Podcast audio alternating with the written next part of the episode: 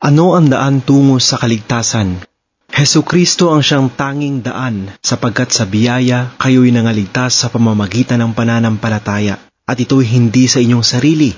Ito'y kaloob ng Diyos, hindi sa pamamagitan ng mga gawa upang ang sinuman ay huwag magmapuri. Aklat ng Efeso, Kabanata 2, Talata 8 hanggang Siyam. Datapwat ang kaloob na walang bayad ng Diyos ay buhay na walang hanggan kay Kristo Jesus na Panginoon natin. Roma, Kabanata 6, Talata 23. Ano ang nararamdaman mo sa buhay mo ngayon? Ikaw ba ay nakakaramdam ng pagkakasala, kalituhan, kaguluhan, kahirapan, kalungkutan, kasakitan, kapaguran, galit, at kawalan ng pag-ibig o kabuluhan, sadyang mahirap ang buhay. Si Satanas at ang kasalanan ang dahilan. Napapagod ka na ba sa pakikipaglaban sa tao at sa mga problema? Si Jesus ang daan, mahal ka niya. Si Jesus ang tamang tao at Panginoon na maaaring sundin. Muli nga nagsalita sa kanila si Jesus na sinasabi, Ako ang ilaw ng sanlibutan. Ang sumusunod sa akin ay hindi lalakad sa kadiliman, kundi magkakaroon ng ilaw ang kabuhayan. Juan Kabanata 8 Talata 12 Sinabi sa kanya ni Jesus, Ako ang daan at ang katotohanan at ang buhay. Sino man ay di makaparoroon sa Ama, kundi sa pamamagitan ko.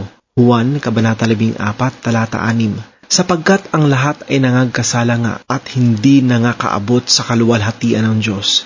Roma Kabanata 3 Talata 23 sapagkat ang kabayaran ng kasalanan ay kamatayan, datapwat ang kaloob na walang bayad ng Diyos ay buhay na walang hanggan kay Kristo Jesus na Panginoon natin. Roma Kabanata 6, Talata 23 Namatay si Jesus sa krus dahil sa parusang dapat ay sa atin. Ang pagkamatay ni Jesus ay naglaan ng kapatawaran para sa lahat ng tao.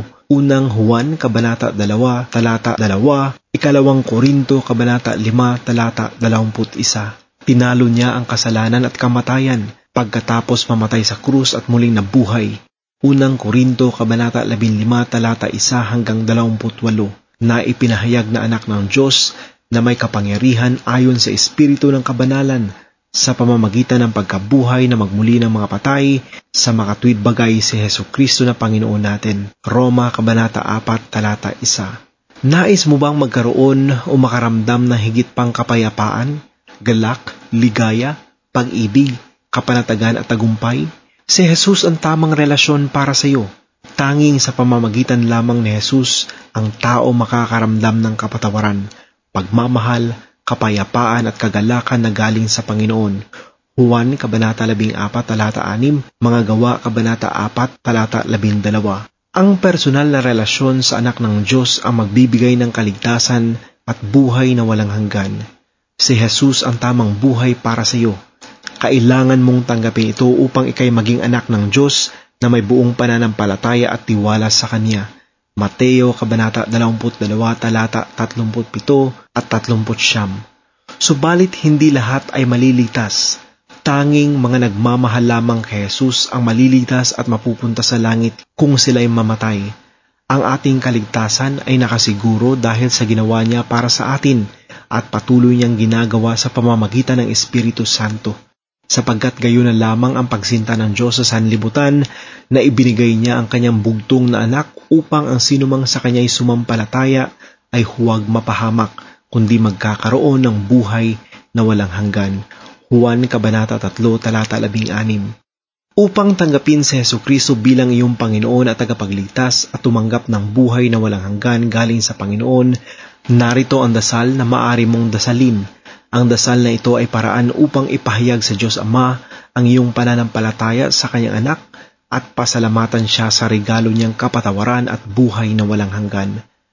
Ama sa kalangitan, naniniwala ako sa inyong anak na si Heso Kristo na siyang tanging daan upang magkaroon ng buhay na walang hanggan. Alam kong nagkasala ako laban sa inyo at nararapat na maparusahan Batid ko at nagpapasalamat ako kay Jesus na aking tagapagligtas sa pag-ako ng parusang nararapat sa akin.